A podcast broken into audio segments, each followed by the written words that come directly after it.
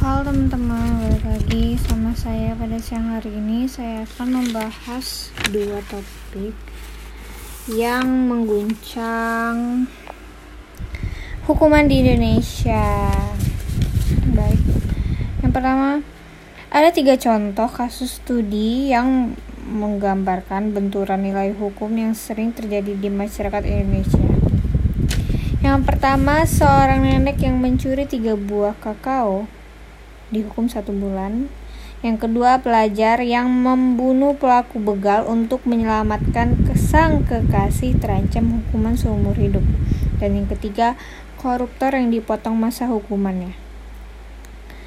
Ya, dengan kalian mendengar tiga kasus di atas, kalian dapat menilai lah gimana hukuman yang ada di Indonesia. Sangat tidak adil, bukan?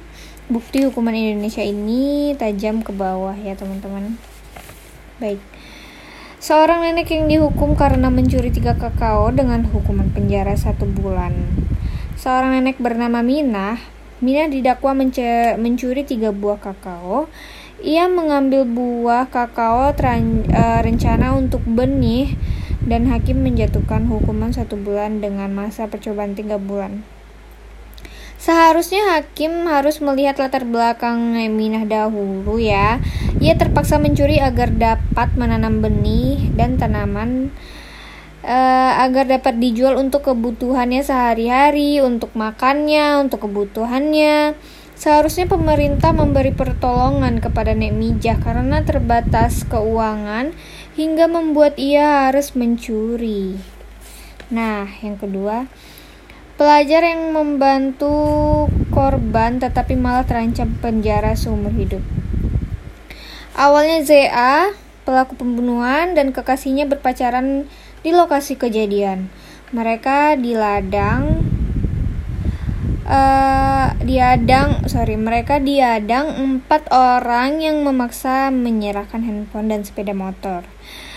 Uh, setelah itu antara ZA dan pelaku begal pun terlibat adu mulut sehingga muncul ancaman dari pelaku yang akan menggilir atau memperkosa pacarnya ZA.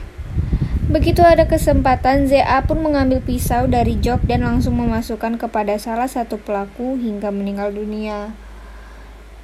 Pisau yang digunakan eh, ZA, ia mengakui membawa pisau itu karena untuk praktik di sekolahnya. Dengan ini ZA terancam penjara seumur hidup. Jelas hukuman ini tidak adil karena posisi ZA ingin membela pacarnya. Mereka berdua ini salah satu ko uh, mereka berdua ini merupakan korban Pembegalan yang mencoba membela dirinya namun malah terancam hukuman seumur hidup. Ya, tidak adil ya guys. Dia ingin membela dirinya, tetapi dia terancam hukuman seumur hidup. Korban yang malahan dihukum bukan si pelaku pembegalan. Dan yang ketiga, koruptor yang dipotong masa hukumannya ya Terdengar lucu, bukan? Jelas ini sungguh tidak adil. Koruptor yang memakan uang dan hak masyarakat dipotong masa hukumannya. Bukankah sangat terbalik dengan contoh kasus yang saya bacakan barusan? Seharusnya koruptor yang dihukum seumur hidup karena mengambil hak masyarakat untuk keperluan pribadi mereka.